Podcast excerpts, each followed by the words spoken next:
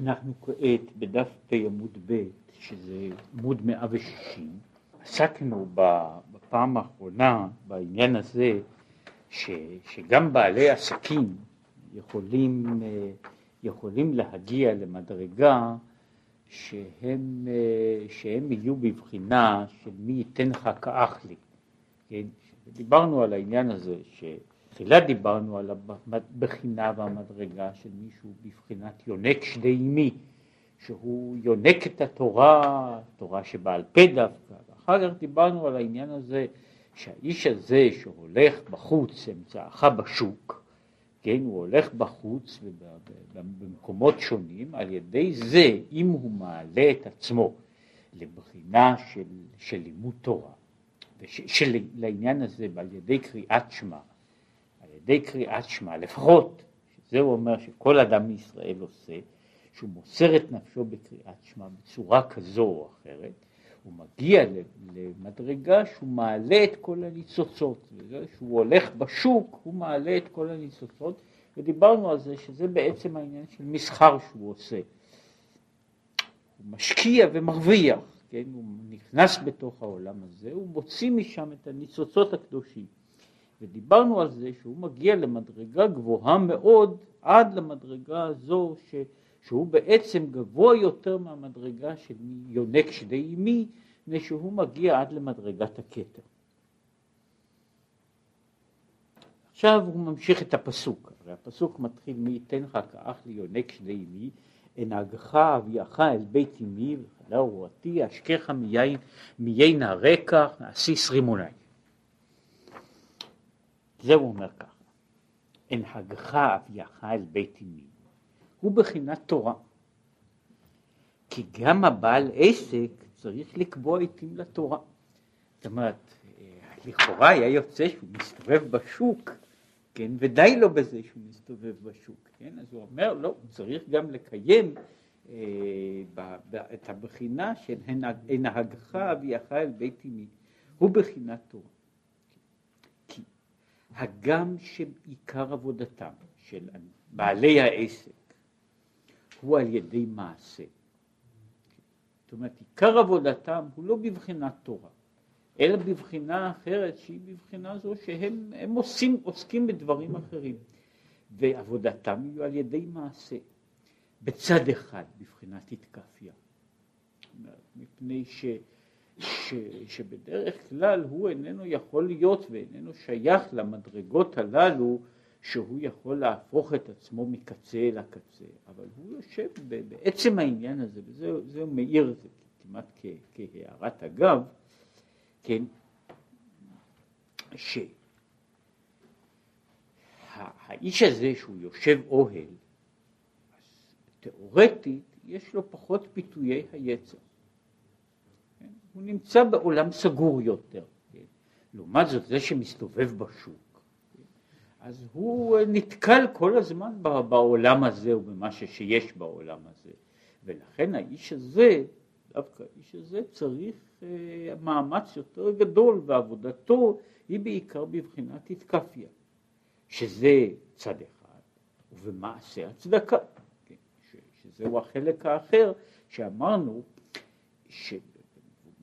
שמדובר עליו הרבה במקומות אחרים, שנתינת הצדקה שהוא נותן מיגיעו, כיוון דווקא מפני שהוא יגע בזה, ועד שהוא השיג את הכסף הזה, שהוא נותן את הצדקה, הוא משקיע אותה בתוך העניין הזה, בתוך עניין שבקדושה, על ידי זה הוא מעלה, כמו שאומר הזה, שזה כמו בקורבן, הקורבן מעלה את כל שאר מה שיש לו, כך בעניין הזה של נתינת הצדקה הוא מעלה את כל הממון שיש בידו הוא מעלה גם את הידות האחרות, הוא מעלה אותן בקדושה.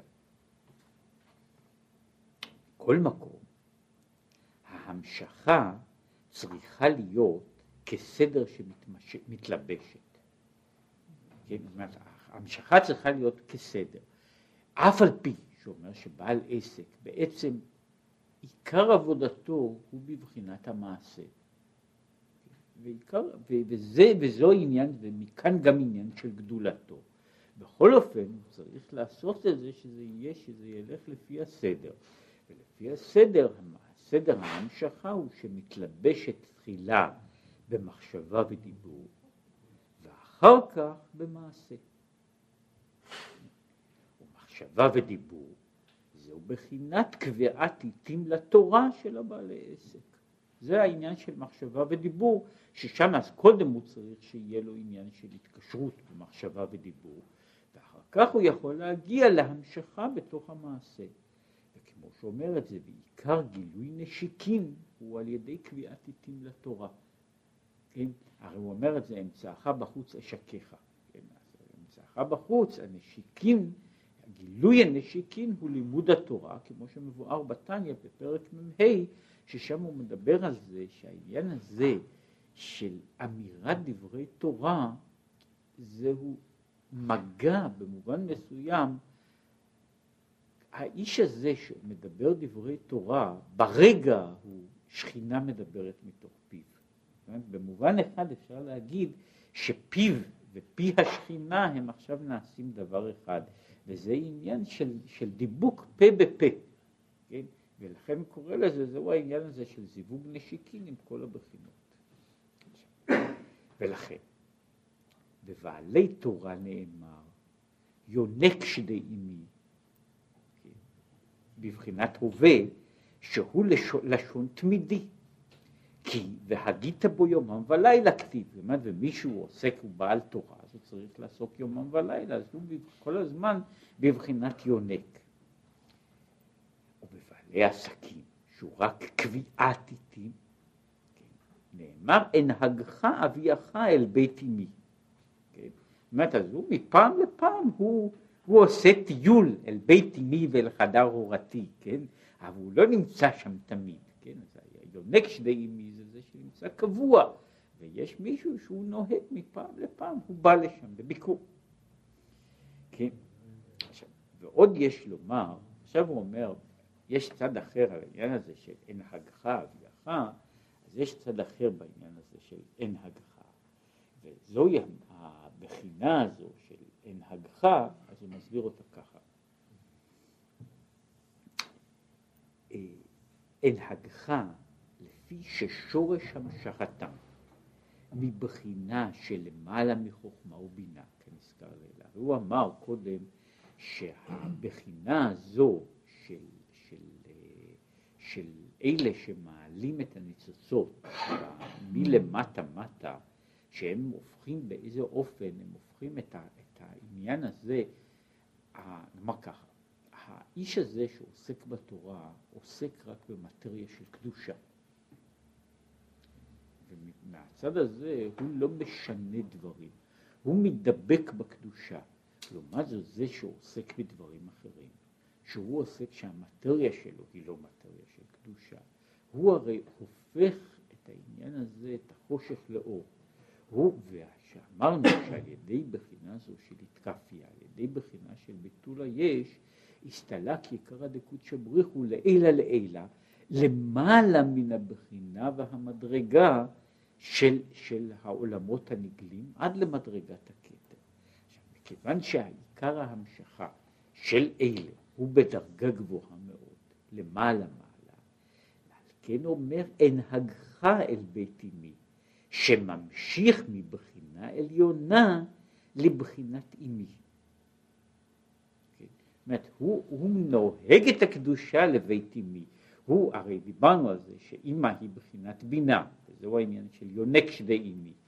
אבל הוא מגיע למדרגה כזו שהוא הנהגך אל בית אמי, הוא ממשיך המשכה לבית אמי, שממשיך מבחינת הכתר לבחינת הבינה, וזהו תלמדני, שמבחינת מקום גבוה כזה אי אפשר להיות רק בחינת מקבל. וכעניין ודבריי אשר שמתי בפיך. הוא, פה נכנס גם למדרגה, הרי יונק שדי מי הוא רק במדרגה של מקבל. מקבל, הוא יונק. יש העניין הזה של, של נקחה אל בית אמי, תלמדני, כן? הוא מדרגה אחרת ששם יש ה, היחס היחס של, ה, של הנותן, של הלומד והמלמד, של, ה, של האיש הזה שבא ללמוד, הוא סוג מסוים שהוא בא ללמוד והוא נמצא מלמד, מפני שהוא מכניס השפעה חדשה והמשכה חדשה גם בתוך לימוד התורה שלו, מה שאין כן האחר שאצלו יש רק יניקה מן התורה, אבל לא המשכה אל תוך התורה. וכאן במדרגה הזו יש הוא והתורה, הוא ולימוד התורה מקבלים צורה אחרת דווקא מפני שהוא בא מן החוץ והוא לא מבפנים. הוא ממשיך שוב את, את הכתובים. אשכך מיין הרקח. מהו יין הרקח? הנה, בכלל, היין משמח אלוקים ואנשים. כך כתוב. ויין הוא בחינת יינה של תורה. והוא בחינת בינה, שהוא בחינת תורה שבעל פה. זאת יינה של תורה, הרי יש, דיברנו קצת על זה, שיש לתורה, יש הרבה דימויים, כן? יין ומים ו... ושמן ולחם ובשר, ו- וכל אחד מהם היא צד מסוים באופן אחר לגבי, לגבי התורה. עכשיו העניין הזה של, של, של יין, יין בבחינת, בבחינת הבינה, והוא מסביר קצת במקום, במקומות אחרים, הוא מדבר קצת על, ה, על העניין הזה של היין, שיש יש מדרגה שהיין, למה אנחנו קוראים שהיין הוא בחינת תורה שבעל פה? מפני שהמהות של היין כוללת בתוכה את העניין של, ה, של ההתגלות, כן? של העניין של נכנס יין יצא סוף. מה שאין כן בבחינת המים, שאין שם, שיש שם רק קבלה, אבל אין שם, אין שם יציאה החוצה. והעניין הזה של היין, כאילו שזה דבר שהוא לא רק נשאר בתוך עצמו, אלא הוא מוציא ומעורר דברים. יש כמה מאמרים שמדברים על העניין הזה, על, ה, על ניסוך היין וניסוך המים, ועל ההבדל בין מים ויין, שהוא בצד מסוים גם כאילו ההבדל שמבדילים, למשל, בין העניין של, של, של שבת ויום טוב. כן? ש, שה, שחלק מההבדל הוא יוצא, לכאורה ההבדל הוא ש... בתמצית, לשון שמחה שייכת דווקא בחג. ובשבת אין לשון שמחה, אלא לשון מנוחה. אין שמחת שבת, אלא יש מנוחת שבת, יש קדושת שבת. ויש הבדל, יש צדדים במדרגה. כן? אומרת, יש מדרגה שבה יום טוב הוא למעלה משבת. כן? ובכלל אנחנו אומרים שיום טוב הוא בחינה של יין. כן? מפני שעכשיו בחלק מהעניין הזה קשור גם בצד האחר, שאנחנו אומרים ששבת, קדושתה באה מלמעלה. מה שאני עושה לגבי השבת הוא פורמלי, כן? השבת היא קדושה מצד עצמה. לעומת זאת, לגבי יום טוב, יש ההתערבות של ישראל. ישראל מקדשים את החגים, לא את השבתות. עכשיו זהו העניין הזה של מה שהוא קורא המדרגה של, שהוא קורא מדרגת תורה שבעל פה ובכלל מדרגת השמחה, מפני שהשמחה קשורה, זה גם במידה מסוימת החלוקה בין חוכמה ובינה, שהשמחה כ- כ- כמעלה, כעניין, היא קשורה בעניין הזה של, של השגה, בדבר שאין לי בו השגה, שאני בו רק בגדר של, של מקבל, מקבל ובטל לבד, לא יכול להיות שמחה. כן? וזה חלק מהעניין, ורואים את זה כשיש לעניין אפילו שמחה יתרה. במקום שהוא תתגלה השמחה, כן? הוא, יש להפך, יש, יש עניין של דממה, של שתיקה, שהיא באה מפני שההערה, ההערה באה מלמעלה, והאדם כאילו עומד רק, משתאה. כן, לעומת זאת, יש ההערה בבינה, היא ההערה של המעורבות האנושית. מפני שיש מעורבות אנושית, שם יש העניין של, של, של פתיחת הלב, ויש שם מקום לשמחה. וכל זה קשור למדרגה הזו שדווקא תורה שבעל פה, שהיא התורה שבה האדם הוא שותף. לגבי תורה שבכתב, האדם הוא באיזה מידה לא שותף, הוא רק כלי. לגבי תורה שבעל פה, האדם הוא שותף.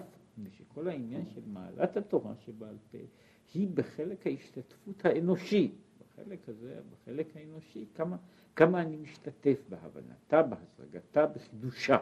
כן? שכל זה לא שייך בתורה שבכתב מצד עצמה. כן? ולכן הוא אומר ש, ש, שתורה שבעל פה נקראת בינה. עכשיו, והיא יין. עכשיו, והיותו משמח אלוקים.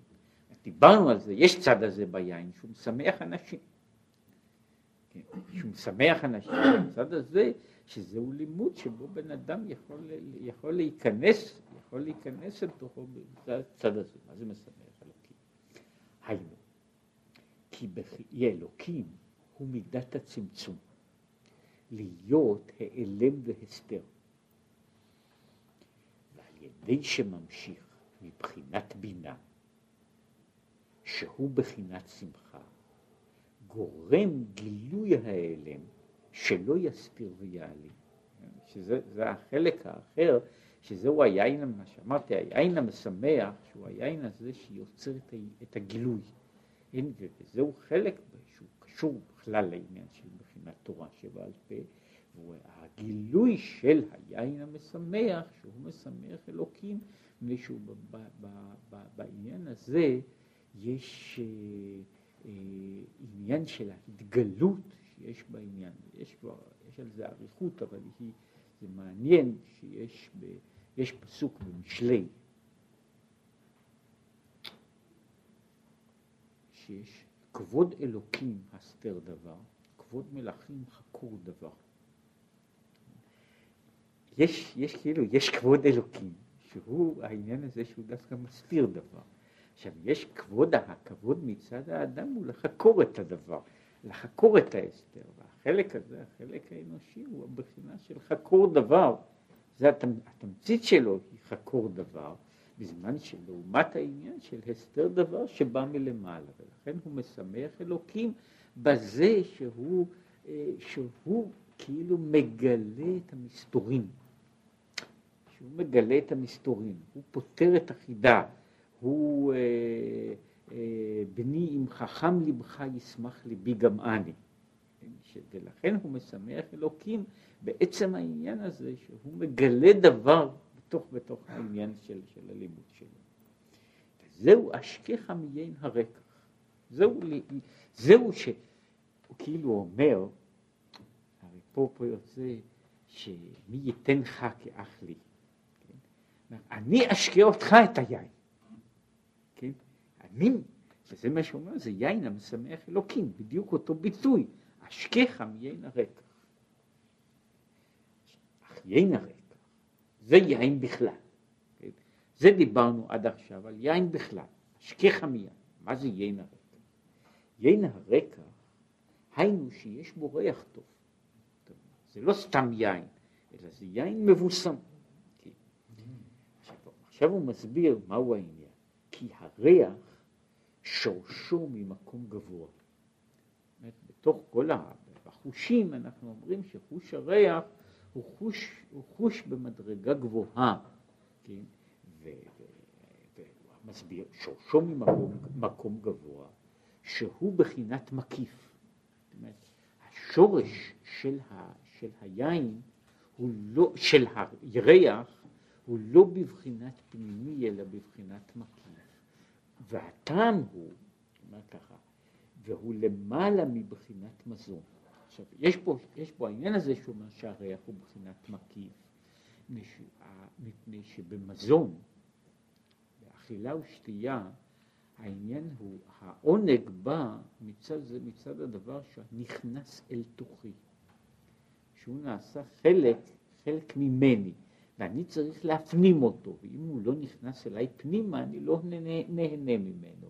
לעומת זאת, הריח הוא דבר שנמצא, אני כאילו לא צריך, ל, אני לא צריך לבלוע אותו, אלא אני, אני נהנה משום שהוא נמצא. וזה בעצם הבחינה של המקיף, בחינה של השגה, של הנאה של חוש, שההשגה שלו היא בבחינת המקיף. עכשיו שם, ועוד, שהמזון הוא לגוף, אבל הריח, אמרו חז"ל, שהנשמה נהנית ממנו ולא הגוף.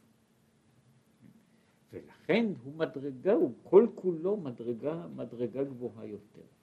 והיינו, לפי שהוא בחינת תענוג העליון, שאינו נתפס ומתלבש בכלים.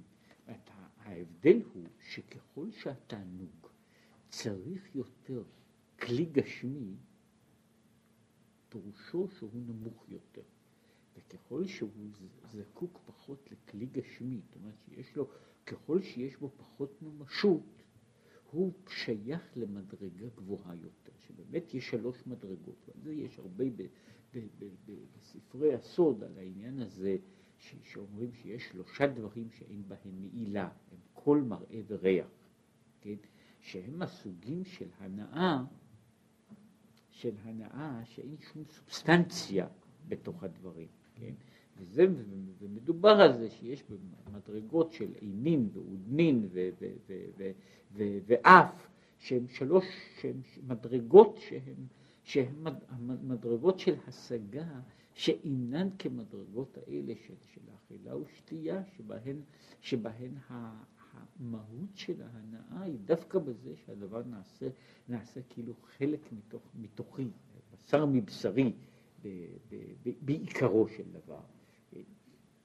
ולכן הוא אומר שזו, שזו מדרגה שהיא מדרגה גבוהה יותר, היא המדרגה של הריח, ועל זה מדובר הרי זה ש, שמופיע על העניין הזה של, של משיח, כן, שאומר שבמשיח יש והריחו ביראת השם, כן, שהמשיח מריח ודן, כן, ש, ש, שיש בחינה ש, שהיא כאילו לא בבחינת החושים הגלויים, אלא בבחינת המקיפים, כן, ש, שיש דבר כזה ש, שהוא בגדר ההשגה, מה שמדברים על זה, על העניין של, של מורח ודין, שהוא המדרגה, המדרגה של, של, של משיח, בעצם ההבדל ההבדל גם בעניין הזה, בבחינה של מה שהוא קורא לזה, הוא מריח ודן, שיש השגה שהיא השגה פנימית, שזו השגה של הדיין, אין לו לדיין אין על מה שעיניו רואות. הדיין צריך לש, לשמוע דברים, כמה שהוא יכול לשמוע אותם, לראות דברים כמה שהוא יכול לראות אותם, והוא צריך לעיין בדברים ול, ול, ולדון בהם. כן, והדיון שלו הוא בבחינה של מה שהוא קורא לזה של חוכמה ובינה, כמה שהוא יכול להשיג. אבל יש מדרגה שהוא, שהוא קורא לזה, מדרגה של הריח, שהיא בערך בנויה, היא בנויה באותו דבר, כמו שאני מרגיש דבר שהוא ריח טוב או ריח רע. כן? ששם אני לא צריך לשבת ולדון, לשבת ולדון מה הטעם של העניין הזה ומה עניינו ומה נימוקיו, אלא יש זו, זו הרגשה של, של עצם הדבר, כן? אני מרגיש את הדבר. זה לא בסדר, כן? זאת אומרת, זה, יש מדרגה שהוא קורא לזה, שיש יש דרגה של, של השגה שזה נכון וזה לא נכון, כן? שהיא באה לא מבחינת ההשגה האנושית, אלא באה מעצם התפיסה שדבר מסוים הוא נכון, כן? ודבר אחר הוא לא נכון, כן? שדבר מסוים הוא שקר, כן? ודבר, ודבר אחד הוא אמת, שזוהי השגה, השגה ממין אחר, זה הוא קורא לזה שזו השגה בדרגה, בדרגה אחרת ובדרגה גבוהה יותר. עכשיו, אבל מה זה שייך פה ליין הרקע? וזה, הנה, זהו יתרון מעלת קביעת עתים לתורה של הבעל עסק, שהוא בחינת התקפיה, יותר מביושבי אוהלים. כן? דווקא מפני שהוא, שהוא בעל עסק, מפני שהוא מפעם לפעם יושב ועוסק בתורה, והוא קובע עיתים לתורה. יש מעלה לתורה שלו יותר ממעלת התורה של זה שהוא, שהוא, שהוא יושב אוהל. כן? על כן נקרא עסק תורתם יין הרקח, שהריח הוא דווקא מדבר חריף שיש בו קיוה, שיש בו חריפות. הוא הרי מדבר, בנתניה הוא מסביר שעל על הפסוק, ועשה לי מטעמים כאשר אהבתי, הוא מסביר שם, שהוא נכנס לכל ההגדרה של, של צדיק ובינוני, שהיא קשורה במהות לבעיית השורש של שני סוגי עבודה, בדרך התהפכה ובדרך התקפיה, בדרך הליכה, הליכה ש, שבה הכל הוא ישר ובדרך הליכה של, של, של כפייה. והוא מסביר שם שיש שני סוגים של מטעמים, שהם ערבים לחך.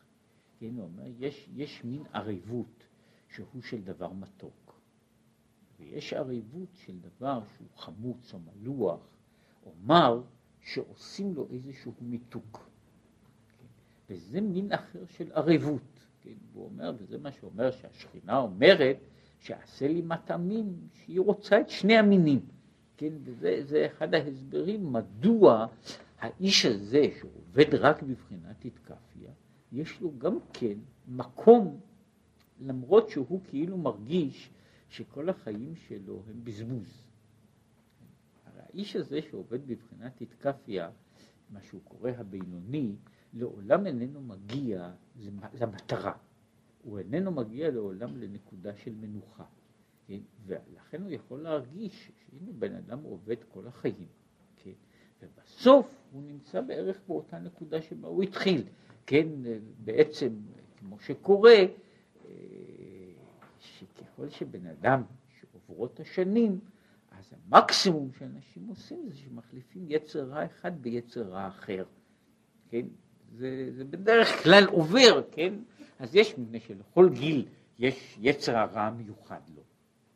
וזה כתוב, זה אגב כתוב בגמרא, דווקא בגמרא הירושלמית כתוב שם על העניין הזה של שהקדוש ברוך הוא אומר, אם יהיו חטאיכם כשנים, כשלג ילבינו, אומר, אם יש לאדם חטאים לפי השנים, על זה הקדוש ברוך הוא מוכן למחול. זאת אומרת, למשל הוא אומר ש, שיש, אם בחור מנאף וזקן גונב, הקדוש ברוך הוא מוחל לו.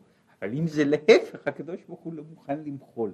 הנה, זה סוג של חטאים שהם כאילו, הם שייכים לזמן, לגיל הזה. כן? הם שייכים לגיל, ויש בכל גיל, בכל גיל יש לו, יש לו את הסוג המסוים של החטאים שלו.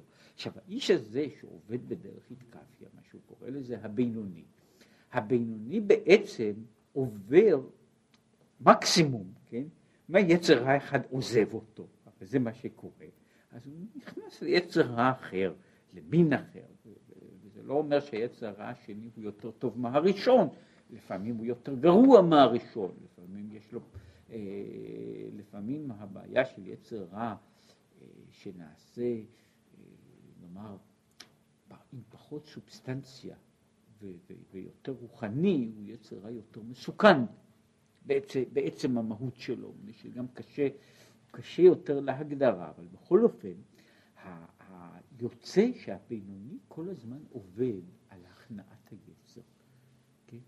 והוא, ואז הוא יוצא שהוא אף פעם, אין לו אף פעם את העניין של המתיקות, המתיקות של, של המתיקות העושר שיש לצדיק.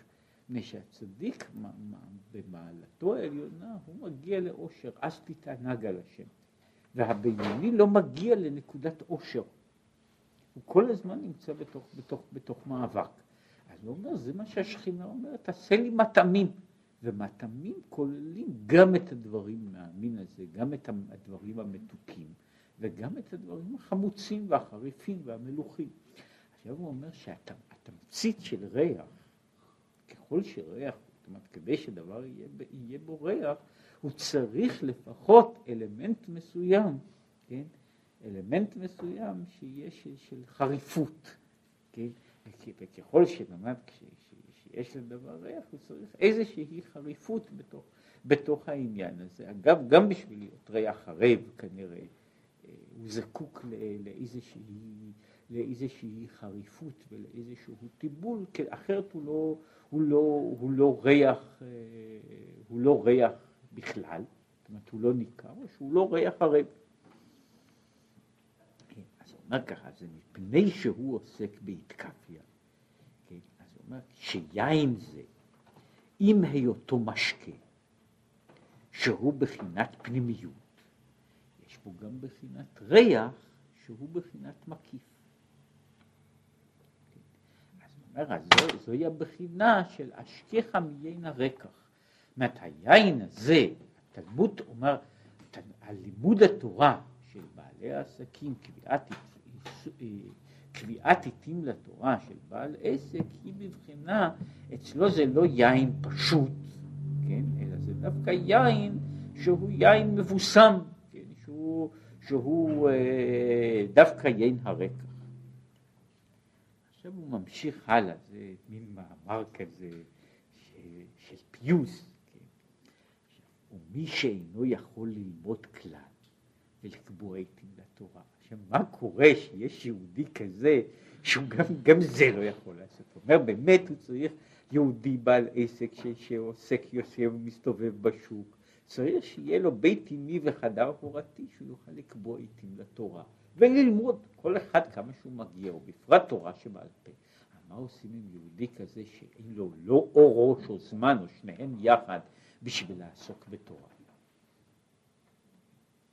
מה עושים עם יהודי כזה? עליו נאמר גם כן מעסיס רימוני. אומרת, יש אשכחה מיין הרקח, יש גם עסיס רימוני. מהו העניין הזה? על דרך מאמר חז"ל, כפלח הרימון רקתך, שאפילו ריקנים שבך מלאים מצוות כרימון. יש דבר כזה גם כן, יש עסיס רימוני. כן, עסיס רימוני זה, זה אפילו מישהו שהוא, שהוא, שהוא ריק, אז הוא גם כן רימון. כן, הוא גם רימון. שהוא, עכשיו הוא מסביר ככה, כריקנים אין פירושו פושעים ומורדים חס אלא רק שאין בהם תורה. ריקנים שבך מלאים מצוות כרימון, ש, שכאילו העניין הזה, שאיך יכול להיות שיהיו ריקנים, שיהיו, יש ריקנים, יש אנשים שאינם בעלי תורה בכלל, הם ריקים מכל תורה, אבל בכל זאת הם מלאים מצוות כרימון. זאת אומרת, אבל מלאים מצוות בדרך ארץ. והרי המצוות מעוררים גם כן גילוי תענוג העליון. כמו שיש, אומר, היהודי הזה, שהוא עכשיו מדבר, יש, יש, יש לנו כאילו, פה, פה הוא מחלק, יש לנו את האיש הזה שהוא יושב אוהל, יונק שדי אמי, שהוא יכול לעשות מקום לשכינה בגלות, גם בגלות. יש גם מי שהולך אמצעך בחוץ. זה אומר, יש כזה שאנהגך אל בית אמי ואל חדר הורתי תלמדני, שהוא יושב ויש לו בתוך, בתוך, עם כל העיסוק שלו, יש לו גם זמן לקבוע עיתים לתורה, ובקביעת העיתים לתורה האלה הוא, אה, הוא כאילו מנסח יין על המזבח, כן? שהוא על ידי זה מוסיף צד של קדושה שהוא כמו שמדבר על זה, דווקא על יין הרקח, אני שאומר שלימוד התורה שלו, יש לו אופי אחר מאשר לימוד התורה של מישהו אחר. זאת לימוד התורה של האיש שמסתובב בחוץ, הוא ממהות אחרת מאשר לימוד התורה של האיש הזה שיושב כל הזמן ולומד.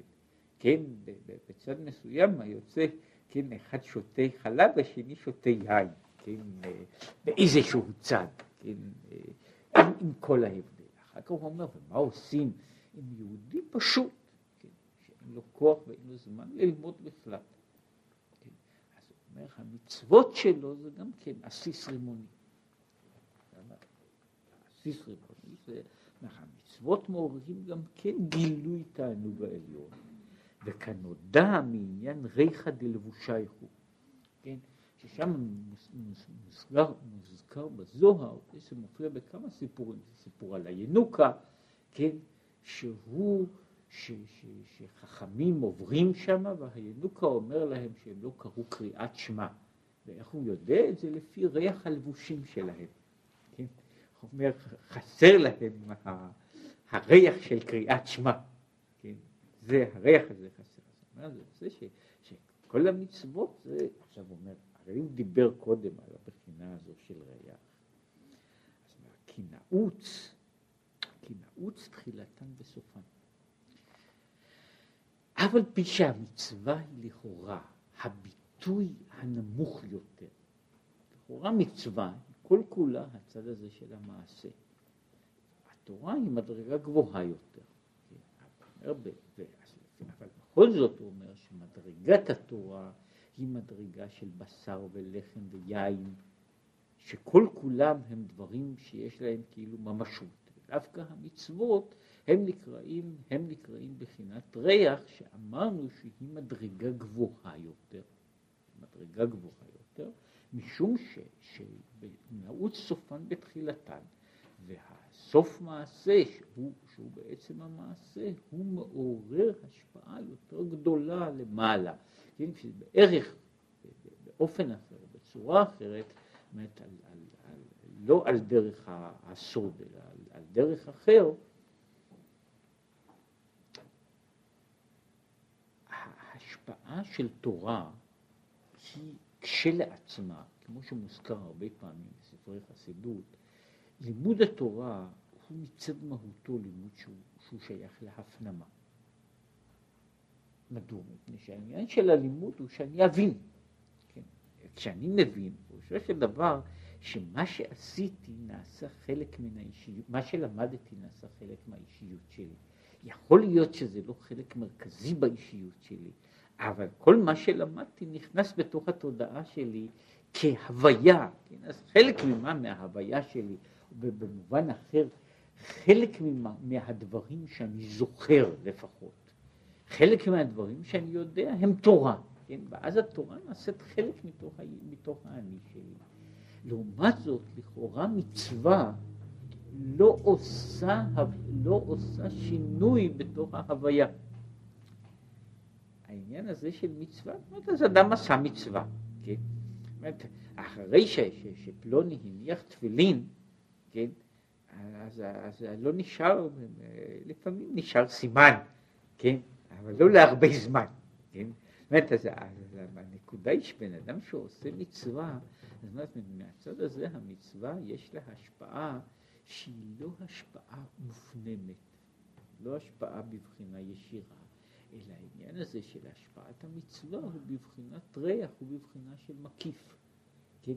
ההשפעה של המצווה על העושה אותה היא לא באותו אופן, היא לא נכנסת לתוך התודעה שלו, היא נכנסת לתוך המהות, המהות הכוללת שהוא בעצמו לא מכיר אותה.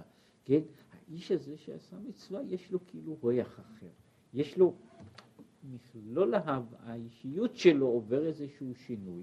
אבל זה לא שינוי מופנם, זה לא שינוי שבא, שבא מתוכו, מפני שאומר שבעצם מצוות בשורש הראשון שלהן הן בדרגה גבוהה יותר מן התורה, דווקא משום שהתורה זה כאילו, במקום אחר הוא אומר את זה, זה דווקא מפני שהתורה יכולה לבוא לידי הבנה, והמצוות אינן יכולות לבוא לידי הבנה, במשמעות ש...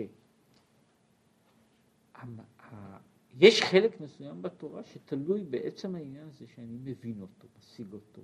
המצווה לא תלויה בכלל בהבנה. בהבנה אין לה קשר עם המהות של המצווה. זאת אומרת, המצווה לא יכולה מצד אחד לרדת יותר למטה, כן? אבל היא לא יכולה להגיע למדרגה שאני אוכל להשיג אותה. כל מה שיש לי ממנה זה מה שקוראים לזה התקשרות, אבל לא יותר מהתקשרות.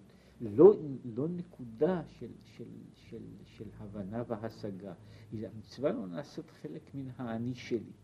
היא אה, נמצאת מלמעלה ואני לא יכול להשיג אותה, אלא היא, היא דבר שאני עושה. ולכן נקרא סיס רימוני, שהוא גם כן משיב את הנפש. עכשיו הוא, יש פה, הוא גומר בהערה, ולכן במעיל של הכהן הגדול, היו תלויים רימונים. כן? כי המעיל הוא בחינת מעיל צדקה, כן? ואלה הם הרימונים של מעיל צדקה. כמו שנתבהר במקום אחר על העניין הזה, הפסוק סוס הסיס, שהוא מדבר שם על מעיל צדקה יעתני, כן?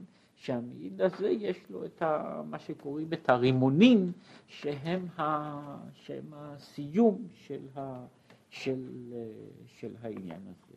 ככה, סך הכל, כן, ה, סך הכל של, ה, של המאמר הזה היה היה, היה, זאת אומרת, למאמר היו, אה, היו כמה חלקים. כן. היה החלק האחד על הקרובים, שהוא העמידה ש, של שני הקרובים, שהם באיזה צד מבטאים את היחס בין המעלה והמטה, בין כנסת ישראל וקודשא בריחו, כמו שכתוב גם בספרים, בגמרא ובשאר מקומות. וזה שהם עומדים איש, איש אל אחיו.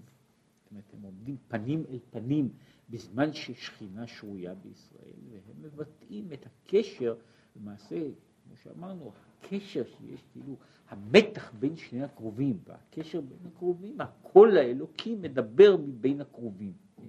שזה, שזה המקום ש, שבמובן אחד זה הפוקוס של הכבוד, כן?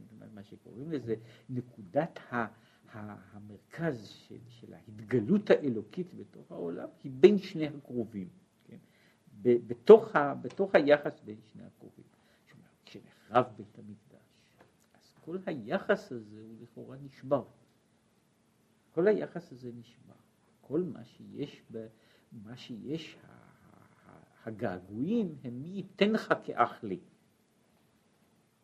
מי ייתן לך כאח לי לבנות שוב את הקשר הזה של איש אל אחיו שיש בקרובים, לבנות אותו באופן אחר.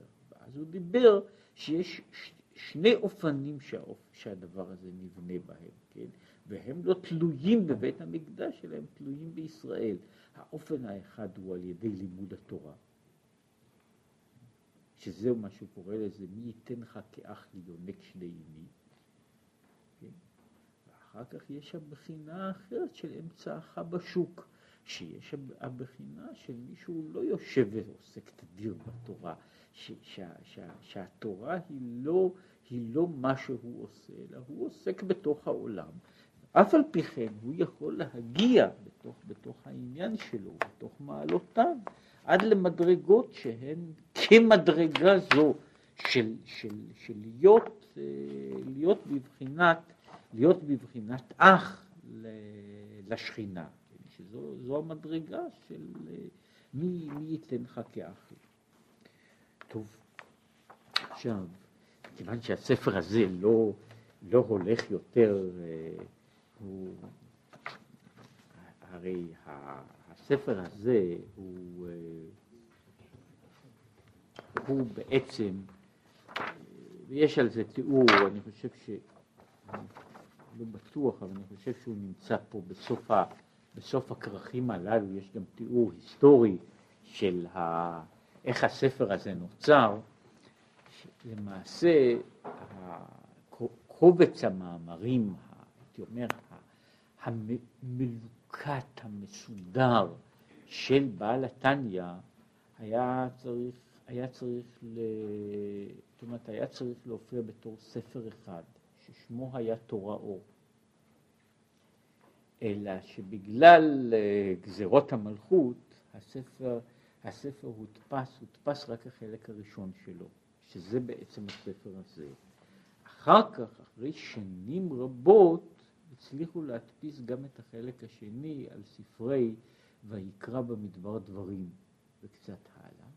עכשיו, בספרים הללו, בספרים הללו, כבר ביקשו מהצמח צדק, שאז היה, היה כבר, כבר היה לא צעיר, שיוסיף, שביקשו ממנו להכניס בתוך הספר את כל, את כל ההערות וההוספות שלו.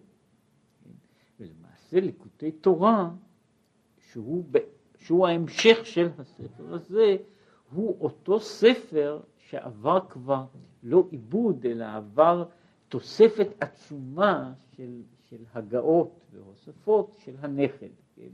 ולכן הוא גם גדול הרבה בכמות.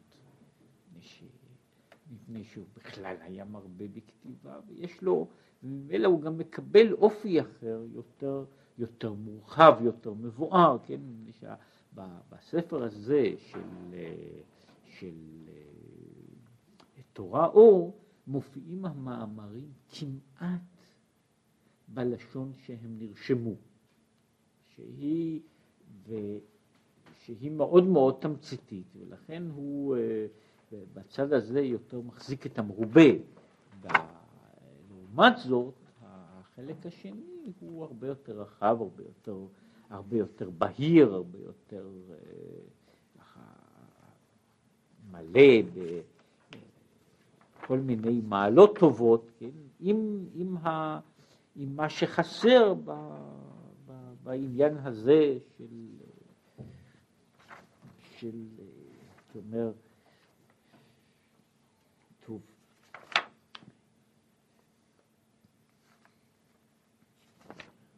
ניקח מאמר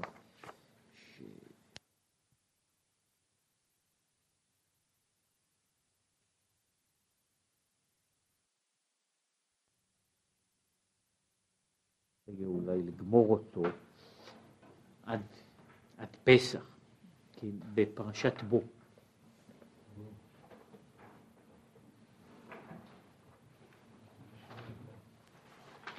בדף ס' עמוד ב'.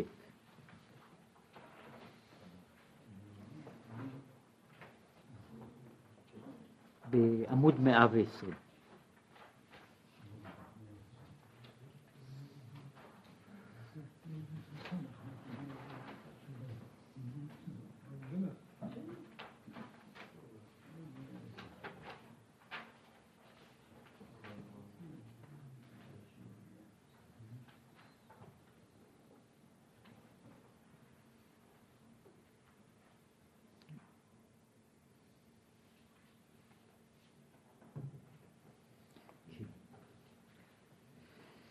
זה, זה מאמר שעוסק לא בדיוק ביציאת מצרים, אלא בפרשה של, אה, שהוא, פרשת בו, למען תהיה תורת השם בפיך, כי ביד חזקה הוציאך השם ממצרים. עכשיו, הוא מתחיל ושואל כמה דברים בעניין הזה, ש, שהם רק, אה, זה צד, זה שוב מאמר לא, לא ארוך, ולכן אה, ככל שהוא יותר קצר, בדרך כלל ככל שהם יותר קצרים הם יותר מסובכים. זה,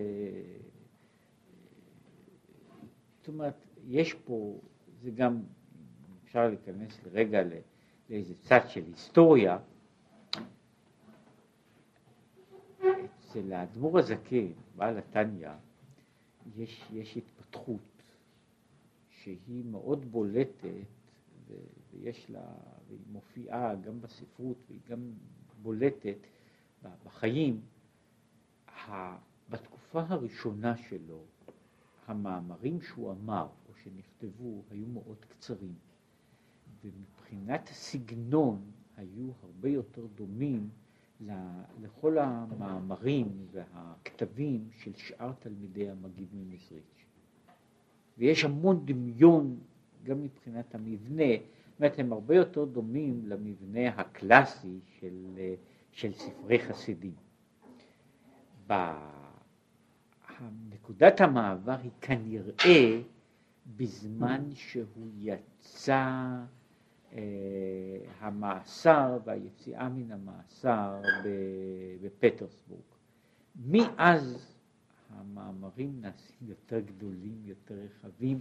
יש הבדל, אה, הבדל גדול בגישה של לפני ואחרי שהעירו עליו, כן, יש, יש, זה לא שלב אחד אלא כמה שלבים, מפני שיש שלבים, אז באופן כללי אפשר להגיד שככל ש, ש, שעבר יותר זמן, המאמרים נעשו יותר גדולים ויותר משוכללים, יותר מורכבים. כן? עכשיו, לכן ככל שהמאמרים הם קצרים יותר, הם בדרך כלל שייכים לתקופה יותר קדומה. כן? לזה, ומשום כך הם הרבה יותר תמציתיים, זאת אומרת, הם, הם לא, הוא לא מבאר דברים, אלא רק אה, אומר מש, משפטים ש, שדורשים יותר ביאור. עכשיו הוא שואל לגבי העניין הזה, למען תהיה תורת השם בפיך, כי ביד חזקה הוציאך השם מצרים. אז אולי רק נגמור ב... נגיע לפחות עד השאלות. לכאורה הוא תמוה. וכי מה עניין התורה ליציאת מצרים להזכירה? מה הקשר הזה שלמען תהיה תורת השם בפיך כי ביד חזקה הוציאך השם ממצרים? אומרת, נכון שיש לנו עניין של זכר ליציאת מצרים לגבי כמה מצוות, אבל בדרך כלל אנחנו רואים איזשהו קשר בין העניין של מצרים לעניין של המצוות. יש קשר כלשהו, אפילו במצווה שבה יש, לא בש... יש בה פעם אחת כן ופעם אחת לא, יציאת מצרים, אנחנו מזכירים בה למשל בשבת, שיש יציאת מצרים, אז אני יכול לומר שהעניין הזה של, של, של שבת יש לו, יש לו פנים של מעלה ופנים של מטה, יש לו פנים של מטה בבחינה הזו של, של היציאה מה, מה, מהעבודה אל חירות, שזה עניין שחלק של יציאת מצרים, כי עבד היית בארץ מצרים וכולי, הוא גם חלק וקשור לצד מסוים של מהות השבת. עכשיו, יש מצוות שהן נועדות להיות אזכורים של יציאת מצרים באופן זה או באופן אחר, מחזור החגים, כן, שהם חגים שבעצם פסח, שבועות, סוכות, הם מזכירים לנו את המהלך של יציאת מצרים וכך הלאה, ויש עוד מצוות שבהן יש אזכורים של יציאת מצרים, בין מצוות מה שקוראים סוציאליות, שמזכירות כי עבד היית בארץ מצרים, ויש מצוות אחרות שמזכירות את העניין הזה של השחרור, של, ה, של העניין הזה שאנחנו בעצם, יש בכמה מצוות מופיע כאילו האלמנט שאנחנו אף פעם לא היינו, זאת אומרת שאנחנו באנו אל הקדוש ברוך הוא, לא באנו אליו בתור בני חורים. כן? ויש לזה באיזה מקומות, יש לזה משמעות, באיזה צד זה יוצא ככה, שאנחנו אנחנו בעצם עכשיו, אנחנו מצד אחד משוחררים? אבל אנחנו משוחררים מפרעה, אבל לא מן הקדוש ברוך הוא. כן? והעניין הזה מופיע בכמה מקומות של, של, שיצאנו ממצרים, מבית עבדים, ואנחנו נמצאים עכשיו תחת השלטון של הקדוש ברוך הוא. זאת אומרת, בבחינה אחת, בבחינה של קניין. כן? וזה חוזר בכמה וכמה מקומות. זה שייך לגבי כמה וכמה מצוות, אבל לכאורה, מה זה שייך לתורה? מה הקשר בין התורה ליציאת מצרים? עכשיו הוא אומר, יש עוד, להבין עניין התורה. דיני כתיב, וידבר השם אל משה לאמור, קדש לי כל בכור. ובאמירת משה כתיב, ויאמר משה אל העם, זכור את היום הזה אשר יצאתם מארץ מצרים. השם אומר לו, קדש לי כל בכור. כן? אז הוא אומר, קדש לי כל בכור. ומשה מתחיל, זכור את היום הזה אשר יצאתם מארץ מצרים. והוא מדבר גם כן על, על העניין הזה של הבכורות, אבל הוא שוב מכניס את יציאת מצרים. חמור רבים במקרא. ולהבין זאת. אחר כך להבין דבר נוסף, שהוא ביאור מצוות והגית בו יומם ולילה. ואף שיש כמה דינים שאינם נוהגים בזה הזמן. והנהוגים אינם שווה לכל נפש. עכשיו, הוא מדבר, פה הוא נכנס לשאלה, לשאלה אחרת על העניין הזה של, שהוא מדבר, שהוא שואל על, ה, להבין את, את ביאור מצוות, להבין את התורה, להבין את ביאור מצוות והגית בו יומם ולילה, הוא מעלה שאלה שהיא, שהיא אה, מעסיקה או צריכה להעסיק אה, אנשים, אנשים רבים. יש לנו לימוד של תורה. לימוד התורה הוא לימוד של מכלול. עכשיו, בתוך הלימוד, הלימוד הזה שהוא כאילו דרישה, והגית בו יומם ולילה, חלק גדול ממנו הוא נראה, הוא לא אקטואלי. הוא לא אקטואלי, יש חלק גדול מן המצוות אינן נוהגות בזמן הזה. גם המצוות הנוהגות בזמן הזה אינן שוות לכל נפש. מספר המצוות שגם אקטואליות, גם שוות לכל נפש, כן, קטן מאוד, קטן מאוד בסך הכל, כן, אה, וזה, וזה אפשר לראות, אם היו, אה, אם מסתכלים בתוך, בתוך כל המחזורים של, של, של ספרי ההלכה, אפשר לראות שחלק מסוים של הספרים הקטנים והקטנים יותר, ככל שה, שאנחנו מנסים לדבר על דברים יותר ויותר אקטואליים, החלק בתורה, שהוא הלימוד על מנת לעשות בזמן קרוב, הוא נעשה יותר ויותר קטן. והוא, זאת אומרת, ואם אני מנסה למצוא דבר שבאמת כל דברים ששייכים לכל נפש, אז הם נעשים באמת מספר, מספר, מספר מצומצם של מצוות. יחד עם זה, יש עניין של לימוד התורה שהוא היקף גדול, כן? ש, ש, שמתברר שחלקו, חלקו העיקרי הוא, הוא, אה, הוא לא נוהג או לא שייך או, או לא עניין על כל פנים בשבילי. השאלה, פה זו שאלה מבחינה מסוימת, שאלה, שאלת בסיס לגבי העניין הזה של, של לימוד, שבכל הדרגות של הלימוד, בהיקף הגדול שלו, הלימוד נראה מנותק מהמשמעות של החיים. יש מצד אחד, יש לימוד, כן? אבל הלימוד לא שייך, לא, כאילו לא קשור אל החיים. אני אמור לשבת וללמוד דברים שאין להם קשר אל מה, ש, אל מה שאני עושה, אל מה שאני אמור לעשות. כן? ואז יוצא שיש עולם שלם של תורה, ועכשיו הוא, הרי פה, פה יוצא שהוא נכנס פה בתורה, ב, ב, ב, במגע עם, עם בעיית התורה, בשני צדדים שלה. כן? הצד האחד, שהתחיל כאילו מהשאלה, מה היחס בין התורה ויציאת מצרים? שהוא, שלשאלה הזו שוב כמה, כמה וכמה אה, דרגות גם בעניין הזה, למה צריכים לצאת, למה, למה צריכים ישראל, כן, את, את יציאת מצרים, תכף ומיד קבלת התורה, מה דחוף להם, כל העניין. יש הצד האחר שהוא אומר שזו השאלה של התורה בכללה, התורה של, השאלה של התורה בכללה, היא לכאורה תורה שהיא, אה, אה, גם אם היא מעניינת, היא לא שייכת. כן? עכשיו, פה בעניין הזה הוא, אה, הוא לא נוגע בכל הדברים הללו, אבל הוא, הוא בסך הכל, זה אני רק רוצה לומר ככה, את, ה, את התמצית של, של, של החלק הזה שהמאמר לא נוגע בכל, בכל הבחינות, הוא מתחיל בעניין הזה, קודם כל, בצד הזה, מה היחס, מה בחינת יחס האהבה בינינו לבין הקדוש ברוך הוא, שהיא צד אחד, והמקביל למה היחס בין הקדוש ברוך הוא ובינינו. יש שאומר אהבתנו אליו ואהבתו אלינו, ואחר כך בשאלה הזו,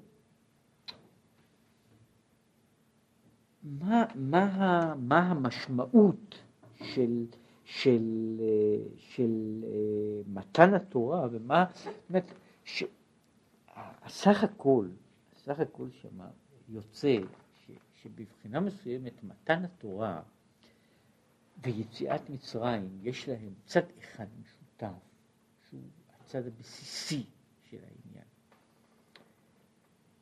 שניהם הם כאילו הנתינה של הקדוש ברוך הוא מעבר לגבולות של, של, של, ה, של ההשגה. אומרת, שניהם הם נתינה של הקדוש ברוך הוא שאיננה קשורה במדרגה, במדרגה של האדם, אלא קשורה במדרגה של הנותן. גם, גם ביציאת מצרים וגם במתן התורה יש ביטוי של מהות מסוימת שאפשר לקרוא לה זו ההתערבות של מעלה בתוך המציאות של מטה, ההתערבות שבה הקדוש ברוך הוא מתערב בתוך המציאות של העולם התחתון, שכשלעצמה אין, היא לא רציונלית. כן? הוא מדבר על זה שגם גם הוצאתנו ממצרים וגם נתינת התורה לנו היא לא רציונלית. כן? ובשניהם יש ביטוי, הוא אחר כך ידבר על, מדבר גם על הצד הזה, על הצד האחר, של, שיש סוג של, של, של התייחסות שהוא גם, שהוא מבטא את ה... זה, זה מה שאחר כך נתבע מזה, שכשם שיש חלק, חלק בהתייחסות של הקדוש ברוך הוא אלינו, שהוא במהות הוא לא רציונלי, כך הוא תובע מאיתנו גם כן קשר מהמין הזה. אומרת שיש כאילו שני קשרים ש, שהם בתמצית, בעצם ככה אפשר היה להגדיר אותם. יש קשר שהוא קשר, נקרא לזה מעין רציונלי. הקשר הזה, האדם שרואה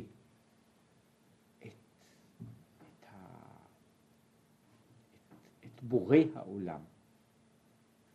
וזהו דבר שהוא יכול להתבונן בו ולעסוק בו. וזהו יחס של, כל היחס, התודה, הבקשה, כל מה שיש במבנה הזה של היחס, שהוא עדיין קשור ומיוסד על, ה, על האדם כמרכז.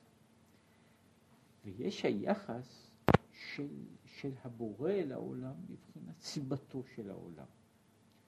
אבל יש גם יחסים אחרים שהם הביל, הצד הלא רציונלי שיש, שיכול להיות בשניהם, גם האהבה שיוצאת מן הגבולות הללו, יוצאת מן הגבולות הללו, שיוצאת, קורא לזה, יש, יש הגבולות שבהם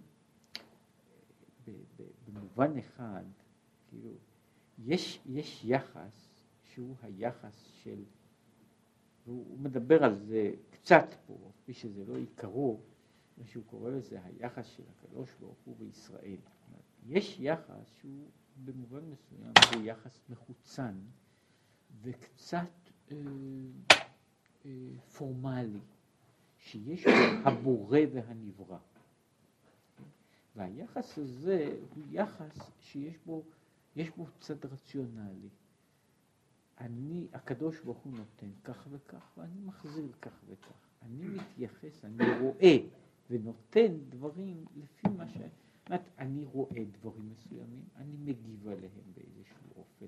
הקדוש ברוך הוא בורא עולם, ויש לזה, יש לזה יחס בין בורא, בורא ונברא.